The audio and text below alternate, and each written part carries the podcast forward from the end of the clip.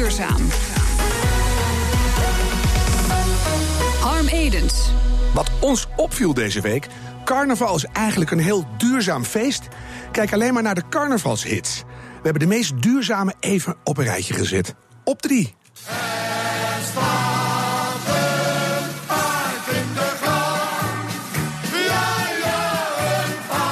Ga maar na, een paard is een warmbloedig dier. Zet hem in de gang en je kunt de verwarming zo 2 tot 3 graden lager zetten.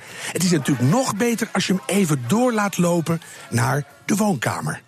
En dan op twee. Hey Marloes, zwem met je onder de douche. Kijk me eens aan, want ik zie je... Super duurzaam samen douchen. Dan bespaar je de helft van het water. Tenzij je hele rare dingen gaat doen onder die douche. Want dat duurt het allemaal nog weer langer. Maar daar ga ik bij zanger Rinus niet van uit. Want die geeft wel vaker het goede voorbeeld. Zoals in Toeter, Toeter, Toeter. Met Romana op de scooter. Ook minder uitstoot. En dan op één. Dat kon natuurlijk niet anders.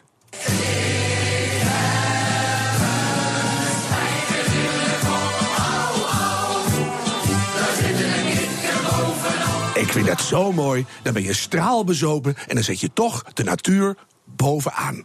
Hulde. BNR Nieuwsradio. BNR Duurzaam. Min keer min is plus, maar is vies keer vies ook schoon?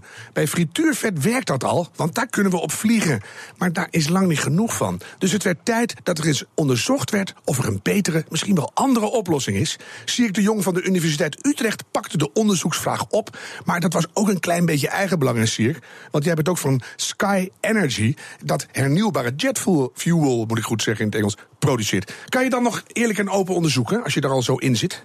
Absoluut, absoluut. Ik, uh, wat ik probeer is de onderzoeksresultaten te brengen naar uh, de praktijk. Uh, dus de, het onderzoek wat we doen over de duurzaamheid, over welke grondstoffen we moeten gebruiken, die probeer ik naar de praktijk te brengen en te zorgen dat waar we op vliegen ook echt duurzaam is. Maar ik bedoel, jij zit al in die, in die fuels. Kan je dan nog met een hele open blik naar, naar het onderzoeksveld kijken? Want je denkt al, nou misschien moet ik de komkommers in sodemieter. Of je, je denkt al van alles. Uh, ja, nee, ik, ik, ik, ben, ik ben ook onderzoeker. 80% van mijn tijd ben ik onderzoeker. Uh, en daar probeer ik zo objectief mogelijk in te zijn. Dus dat is de hoofdmoot eigenlijk? Ja. In het hele klimaatakkoord, waar we allemaal zo ontzettend blij mee waren... daar blijven de luchtvaart en de scheepvaart buiten beschouwing. Die ontspringen de dans nog. Waarom ben je nu wel begonnen met het onderzoek? Zijn ze toch in de sector bang dat de Zwarte Piet hun kant op komt? Nou, wat, wat eigenlijk uh, mee begonnen is... is dat als wij de 2 graden doelstelling willen bereiken in, van Parijs... -hmm. um, dan moet elke sector zijn steentje bijdragen. Dat kan niet anders. Um, luchtvaart is nu, je kan zeggen, slechts 2% van de totale CO2-uitstoot van, uh, op de wereld. Um, maar ook de luchtvaart zal zijn steentje bij moeten dragen. Het probleem bij de luchtvaart is alleen dat um, ze hebben niet zoveel alternatieven. Waar je met auto's kan je op elektriciteit gaan rijden bijvoorbeeld. Uh, je elektriciteit kan je duurzaam opwekken met zonnepanelen, windmolens. De luchtvaart heeft eigenlijk niet die alternatieven. Je kan niet zomaar op batterijen vliegen of uh, uh, op een uh, vliegtuig met zonnepanelen erop. Dat kan nog niet. Maar dat laatste, dat snap ik, want dan vlieg je bijna sneller dan het zonlicht. Dat is natuurlijk, natuurlijk ook onzin, maar dat kan je allemaal niet meenemen. Maar waarom kan je niet bijvoorbeeld op elektrische motoren vliegen? Te veel accu's of het is allemaal te ingewikkeld? Ja, die accu's zijn op dit moment veel te groot en veel te zwaar. ze zijn er wel onderzoek naar aan het doen, Airbus en Boeing, om te kijken, hey, kunnen we niet opstijgen op elektriciteit? Maar dat, dat, ja, dat, die ontwikkeling die duurt allemaal nog tientallen jaren. En zoveel tijd hebben we niet, willen we die, die, ja, die targets van, van Parijs bereiken. Mm -hmm. Dus daarom, de, de, luchtvaart heeft eigenlijk maar één alternatief. Um, en dat, ja, dat zijn biobrandstoffen. Ja, nou in jouw berekeningen staat het jaar 2030 centraal. Dat vind ik altijd een heel fijn jaar.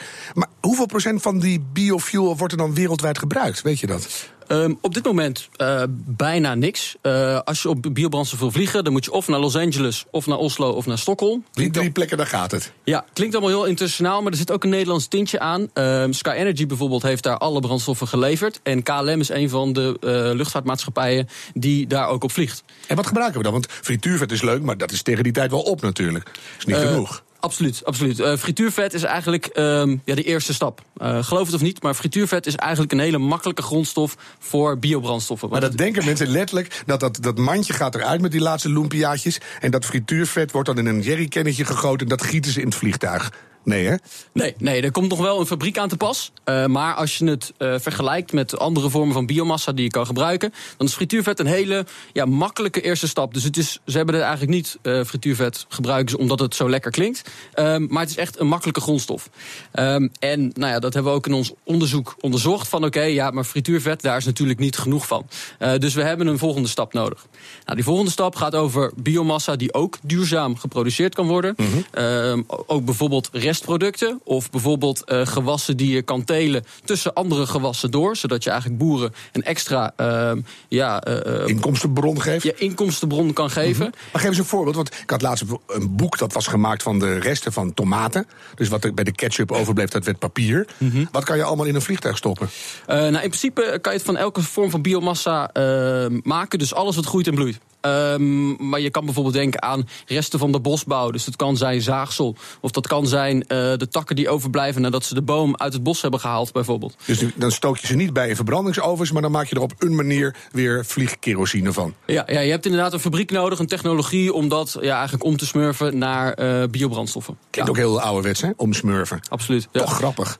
Is die omschakeling makkelijk te maken? Want ja, je, hebt, je hebt geld. Het is natuurlijk altijd iets van, ja, is het wel economisch haalbaar? Kunnen we nog wel naar Mexico voor drie tientjes?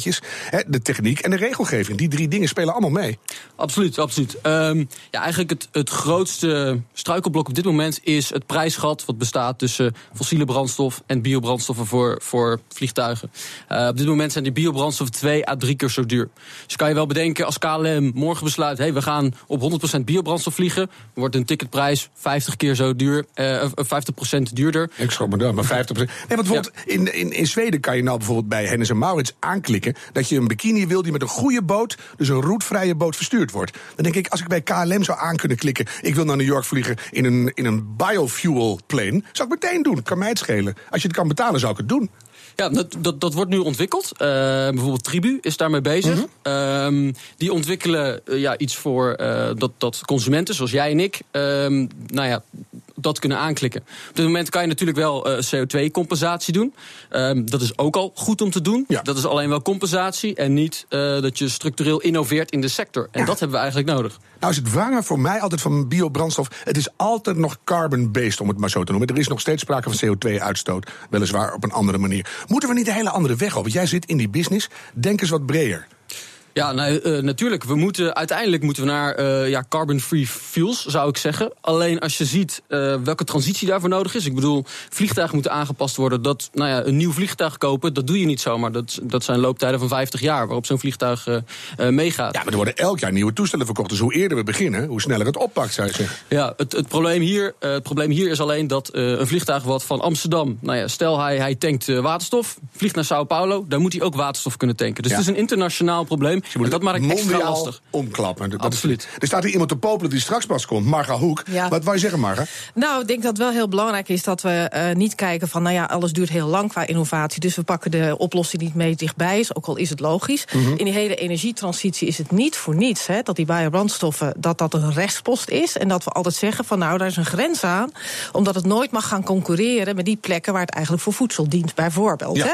Want dan is het eigenlijk uh, ja, dweilen met de kraan open. Want dan is het het probleem wat je laat ontstaan groter dan wat je oplost, zeg maar. Duwen aan de zijkant van de caravan, Ja. zeg ik altijd. Ja. Ja. dat kun je ook zeggen. Ja. Ik zie jou nou de hele tijd met carnavalbeelden voor me, maar goed.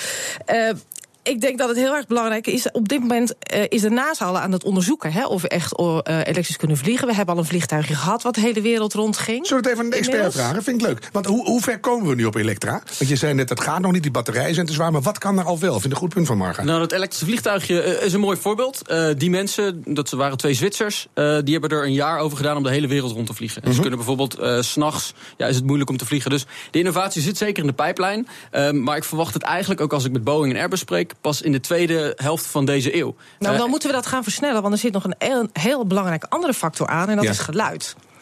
Even los van het feit Dat dat, komt je erbij. Dat is laatst door de. VN Ja. gediagnosticeerd als het grootste probleem wat er aankomt, Daarom. En dat geluidsoverlast. lossen we daar ook mee op. Ja. Ja, Dus- nee, ik, ik ben het helemaal met je eens. Alleen zo lang kunnen we niet wachten, willen we de prijsdoelen halen. Dus ik zie ook we ook biobrandstoffen zeker niet doen. ehm, nou ja, als de optie voor de komende tien jaar. Ja. Dus daar gaan we de eerste stappen mee zetten. Laat ik dan maar de, de hele grote filosofische vraag aan je stellen, Sierk. Wanneer gaan we CO2-vrij vliegen? En, en gaan we nog wel vliegen? Of gaat de Hyperloop het winnen? Of gaan we hoppend zweven door de dampkring? Wat gaan we doen? Eh, ja, we, we moeten overal op inzetten. Hè. Kijk, de Hyperloop lijkt me mooi. Eh, alleen, ja, weet je, we moeten ook die, die grote plas nog een keer over naar Dat kan naar ook in een tube, toch? We hebben al een tunnel, dan, gaan we, dan tunnelen we zo door en dan plop. Ja, nee, dat, dat, dat zou allemaal heel mooi zijn. Ehm, en daar, daar moeten we ook zeker mee doorgaan. Ik zeg ook niet, biofuel, dat, dat is het voor eh, de komende eeuwen. Maar het is wel belangrijk dat we daar nu mee beginnen. Want al die andere opties, ja, die zijn er nog niet. Beginstap zijn we goed op weg. Ja, ja en we, we moeten ook breder kijken dan alleen emissiereductie. Hè? Want er zijn meerdere voordelen van, van biofuels. Eh, denk ook aan banen, denk ook aan innovatie. Ehm, het is niet voor niets dat Trump nog geen streep heeft gezet... door het hele biofuel-programma in Amerika. Niet zeggen, want dan gaat hij het doen. Ik ga je bedanken. Sierk de Jong van de Universiteit van Utrecht. Nieuwsradio. Harm Edens. Ben je een lekker langjarig duurzaam je bedrijf aan het verduurzamen, word je bijna overgenomen door een Amerikaanse dwerg en breekt daarna intern de pleuris uit. Je voelt het al. Unilever, daar moeten ze nou ineens meer aandeelhouderswaarde gaan creëren.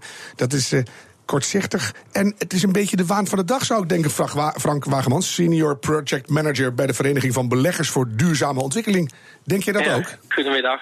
Nou, ik, eh, wat ik denk is dat Unilever de afgelopen jaren ontzettend goed bezig is geweest met, eh, met duurzaamheid. En ook om te zorgen dat ze eh, niet alleen nu, maar ook richting toekomst gewoon winst, winstgevend blijven. Ik denk dat het probleem is, is dat heel veel beleggers, gelukkig niet, niet allemaal, alleen maar naar de cijfers kijken en daardoor heel veel van, van, van dit soort waarden eh, mist. Ja. Heb, Dus jij, denk dat, heb ja. jij mensen gesproken bij Unilever? Balen ze ervan intern? Nee, ik heb niet, niet, niet met hen eh, gesproken. Maar ik kan me wel voorstellen, als je als een bedrijf als Unilever voorloopt op dit, eh, op dit onderwerp, dat je er wel van baalt dat het uiteindelijk alleen maar gaat over de, de prijs van het aandeel nu en het divi- dividend. Terwijl je juist hebt gewerkt om ook in de toekomst winst, winstgevend te kunnen zijn. Ja, en, en duurzame bedrijfsvoering heeft langjarige stabiliteit nodig. Nou gaan jullie engagementtrajecten aan met bedrijven. Eh doen jullie dat bij Unilever ook en hoe werkt dat precies? Ja, wat wij, wat wij doen is, wij gaan al twintig jaar lang bij Nederlandse bed- bedrijven langs om op de aandeelhoudersvergaderingen vragen te, te stellen over, eh, over duurzaamheid. En dat doen we dus ook bij, eh, bij eh, Unilever. Unilever is wel een van de bedrijven die daar het meest proactief mee, mee aan, de, aan de slag gaat. Ik bedoel, Er zijn een bedrijf, ook, eh, eh, ook bedrijven in Nederland waarbij dat vrij moeizaam gaat. Maar Unilever is een partij die daar naar, naar luistert en ook natuurlijk zelf ook eh, stappen, stappen zet. Mhm. En wat gaan jullie in Ehm, dit, in dit geval dan doen? Want ja, jullie zijn de aandeelhouders, nu zijn jullie aan de beurt, zou ik zeggen. Nou, wij zijn zelf vrij kleine eh, aandeelhouders. We hebben bij Unilever twee of drie eh, aandelen, dus dat is vrij miniem. Maar wat we eigenlijk willen doen, is het ook op de agenda zetten van de grote Nederlandse eh, beleggers. En andere beleggers, zoals pensioenfondsen, verzekeraars. En wat. we doen ook elk jaar onderzoek daar- daarna. Dus we kijken naar, naar hoe duurzaam zijn die eh, verzekeraars en eh, pensioenfondsen. En wat je gelukkig ziet is dat bijvoorbeeld partijen als eh, eh, PME en PMT... dat die zich ook echt uitspreken over dat ze de koers van, van Unilever goed vinden... duurzaam vinden en dat Unilever dat eigenlijk voor moet, moet zetten. Ja. Ehm, ja, en ik denk ook dat we dat ook eigenlijk nodig hebben. Dat, dat, dat, dat duurzame beleggers zich juist nu ook uitspreken. Ja. En ook steun geven aan, eh, aan, eh, eh, aan Unilever en het bestuur. Ja, ik ben het helemaal met je eens. Want daarom belde ik je ook even. Dus bij deze roep Unilever en alle aandeelhouders op om duurzaam door te gaan. En ja, laat die Kraft Heinz maar lekker liggen. Dankjewel, Frank Wagemans. Zometeen in BNR Duurzaam. Een betere wereld maken kost niet alleen geld. Het geeft ook lucratieve kansen. Hoe kunnen we geld verdienen met weggegooid voedsel? BNR Nieuwsradio. BNR Duurzaam. Jaarlijks gooien we in Europa met z'n allen ruim 88 miljoen ton voedsel weg. Met een waarde van 143 miljard euro.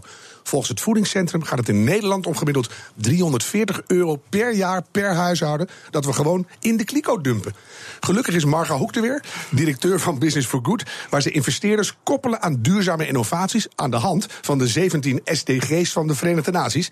Bij voedselverspilling, Marga, dacht ik passen twee van die SDG's. Nummer twee, honger de wereld uit. En nummer 12, verantwoorde consumptie en productie. Zullen we even kijken wa- wat de oorzaken zijn van die verspilling? En dan heb je, als je naar de keten kijkt, drie schakels misschien. Je hebt de, de productie in de eerste plaats, dan de logistiek, transport, winkels en zo. En uiteindelijk de consument. Ja, klopt Zullen we- zullen helemaal. we bij de productie beginnen? Ja, laten we dat eens op een rij zetten. Ehm, het zijn inderdaad, inderdaad enorme getallen waar je het net over had. En dat heeft een enorme duurzaamheidsimpact. Wat je net al zei, hè, impact op meerdere van die Sustainable Development Goals. Terwijl we het eigenlijk op willen lossen. En op dit moment is het zo dat de behoefte aan voedsel veel sneller groeit dan wat we er eigenlijk bij kunnen produceren. Maar op datzelfde moment, over de hele wereld, je noemde wat getallen voor Europa en voor Nederland, maar over de hele wereld gaat een derde van al het geproduceerde voedsel teloor ergens onderweg. Dat zijn natuurlijk gigantische getallen. Als je dan kijkt hoeveel mensen tegelijkertijd hebben, want dat vind ik vaak heel schrijnend, als aan de ene kant een enorm ja, je mag het eigenlijk wel een overschot noemen, want we dumpen het tenslotte ergens onderweg. Maar aan de andere kant is het zo dat 13% van de mensen op aarde gewoon schrijnend honger lijdt. Dus voedseltekort heeft. En dat zijn 925 miljoen mensen over de aarde heen. Dus qua dat is productie zit er een eigenlijk enorm goed. contrast. Maar de logistiek deugt dan niet. Daar zit de. Ja, je zou kunnen zeggen, eigenlijk is het probleem, dan lijkt het eigenlijk ook makkelijk op te lossen. Hè? Want van het overschot kunnen we eigenlijk het tekort eigenlijk ja, oplossen, Mhm. zou je zeggen. Nou is het alleen zo dat we natuurlijk verschillende problemen hebben op verschillende delen van de wereld. Hier in Europa is eh, eigenlijk waar het fout gaat aan het eind van de keten, zou je kunnen zeggen. Hè? Dus eh, de, de retail noemde je net zelf, dus de, het verspreiding, de retailschakels en de grote kwaaddoener is de consumptie. Wij Oftewel, zelf. wij allemaal zelf. Ja. Eh, het schrijnende alleen is dat aan de andere kant van de wereld, in de ontwikkelingslanden, is bijna net zo'n groot impact qua voedselverlies. Alleen daar is het los en niet zozeer waste. Met andere woorden, daar gaat het kwaad eigenlijk al aan het begin van de keten zitten. Bij de productie. Bij de productie zelf. Door droogte Dus of de extreem oogst, weer, dat soort dingen. Ziektes, Ja. bacillen, weersomstandigheden. En ook het opslaan van het voedsel. En dat is allemaal dicht rondom de boerderij. En dat zijn hele kleine boerderijtjes. En daar ligt ook vooral de armoedeproblematiek. Waarom is het na al die jaren, want ik hoor het al jaren, we gooien eten weg. Vroeger als kind mocht het al niet, hè? de derde wereld en de oorlog en noem maar op. Waarom is het nog steeds zo erg? En, en wordt het beter of erger, denk je? Ja, nou ja, ik, ik hoop niet dat het erger wordt, maar het wordt in ieder geval ook niet zoveel beter. Hè. Ook in Nederland hebben we nog een keer in 2009, zeg ik uit mijn hoofd, bedacht van nou, nu gaan we echt een target stellen en gaan we dat oplossen. En in 2014 is het door Wageningen Universiteit weer onderzocht.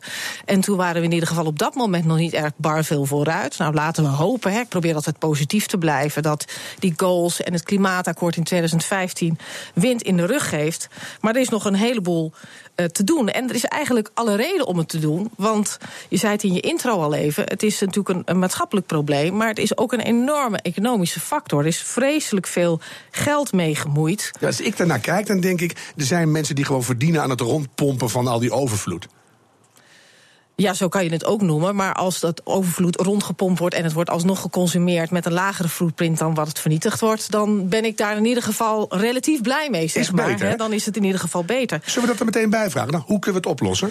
Nou, er zijn natuurlijk verschillende partijen belangrijk in. We hebben de kennis van nodig, de wetenschap, we hebben de politiek daarin nodig. Maar het bedrijfsleven, want daar zitten we hier voor, die heeft toch ook een hele grote sleutel in handen om dingen op te lossen. En dan eigenlijk aan op alle stukken van die keten. Kan je voorbeelden Dus noemen? Ja, er zijn heel veel bedrijven die daar al op inspelen. En die dus hard moeten groeien. Hè, want dan is de groei van die bedrijven ook een, een grotere oplossing voor het probleem. Maar één zo'n bedrijf is bijvoorbeeld eh, van onze weerman eh, Gerrit-Jan Hiemstra. Die heeft een eh, bedrijf opgericht met een app die inspeelt. Weather Impact heet het. Dat is wel En gewoon doet bedrijfs, dat? bedrijfskennis met voorkennis, hè? Want hij weet Ja. precies wat voor weer het wordt. Maar als dat ten goede wordt benut, hè, ik zou zeggen, doe het zelf ook. Ja. Eh, zet de radio nog meer in. Maar die eh, kijken van waar zijn de weersomstandigheden en zorgen eigenlijk dat mensen dus veel eerder weten wat er aankomt, waardoor ze daar maatregelen op kunnen nemen. Mhm. Een andere eh, ontzettend leuke initiatief is van Moji Coffee, ons Nederlandse heel duurzame koffiebedrijf. En die kijken eigenlijk naar hoe kan nou die landbouwgrond in die ontwikkelingslanden, want dat zijn natuurlijk toch de landen waar de koffie vandaan komt, veel Ja. efficiënter gebruikt worden. Want dan komen de koffiebonen vanaf. En eigenlijk is het heel raar. Dan heb je dat hele grond en dan komen die koffiebonen. En de rest benut je eigenlijk niet. Je had het net al over afval van tomaten bijvoorbeeld. En dat die- bedoelde jij met die- extra dingen ertussen zetten, waardoor die grond Nou, dat beter hoeft benut wordt. helemaal niet. Want aan die koffieplanten, ik hoop dat ik het goed uitleg, dat kunnen zij ongetwijfeld beter, Struiken, maar daar zitten eh, bessen aan. En daar kun je meel van maken. En dat is een ontzettend eh, gezond voedingsmiddel met nog meer vitamine dan spinazie, heb ik me laten vertellen. En dat zijn ze nu aan het ontwikkelen in een heel aantal landen. Waardoor je eigenlijk een veel meer opbrengst hebt van dezelfde hoeveelheid grond. Ik hoorde bijvoorbeeld weer van een innovatie dat je met, een, met, je, met je telefoon in je koelkast kan kijken. En dan zie je qua bacterie kweken of je eten nog goed is, of niet?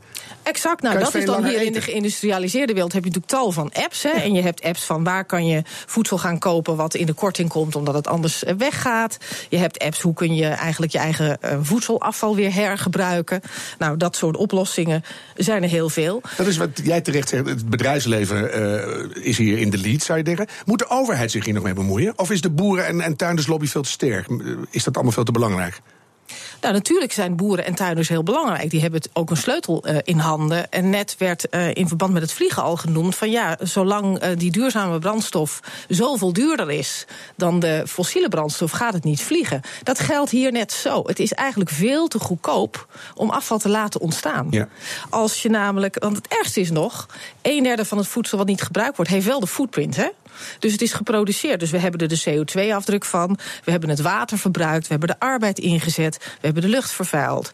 En we hebben de biodiversiteit vaak aangetast. Voor niks, want we doen er uiteindelijk niks Dus mee. wat het kost maakt niet uit, maar voor de belasting van de planeet is het heel slecht. Heel slecht. En nou ja, we praten voortdurend. En ik hoop dat het echt een keer ver komt. Dat we de externaliteiten in de kostprijs gaan berekenen. Als we dat zouden doen, dan gaan we er direct heel anders mee om. Dat verzeker ik je. En dan kijken we volgens mij veel lekkerder naar een komkommer of een tomaat met een plekje eraan. Niet zo erg meer dan. Nee, dat is natuurlijk ook echt ridicuul. Hè? Een van de dingen die natuurlijk ook speelt... zijn die houdbaarheidsdatums op verpakkingen.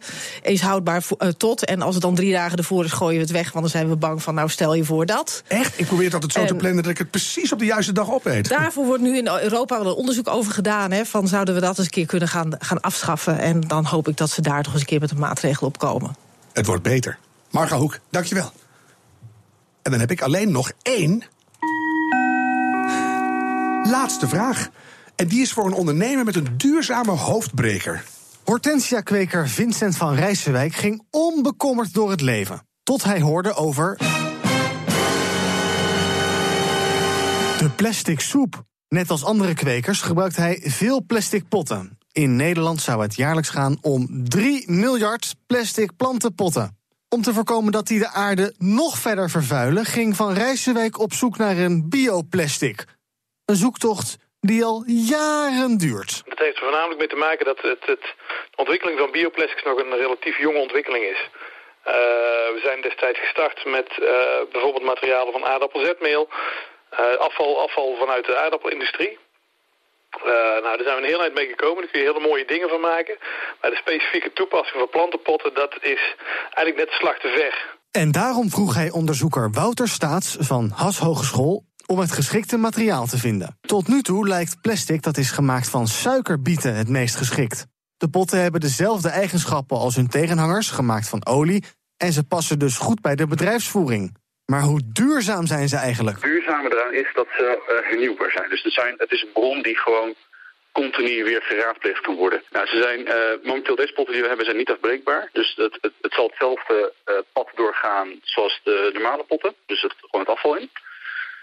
Ehm, we zijn nu wel verder met eh, ons projectteam aan het kijken van kunnen wij eh, eh, in de toekomst bijvoorbeeld ook biolo- biologisch afbreekbare potten introduceren. Dan zou dus bijvoorbeeld een composthoop op kunnen. Het onderzoek naar de ideale biologisch afbreekbare plantenpot is dus nog lang niet klaar. Maar voor Van Rijssenwijk is die pot van suikerriet voorlopig goed genoeg. De eerstvolgende stap is kijken of de consument er ook voor wil betalen. Want de pot van suikerriet wordt naar verwachting wel dubbel zo duur. Je hoorde redacteur Ivan Verrips. Ben je ook een ondernemer met een duurzame hoofdbreker op zoek naar antwoorden? Laat het weten op duurzaam.bnr.nl. Je kunt deze uitzending terugluisteren via bnr.nl, de BNR-app of stream ons via iTunes en Spotify. Zometeen is Petra Grijze hier met BNR Spitsuur. Ik zeg, hou hoop en doe het duurzaam. Tot volgende week.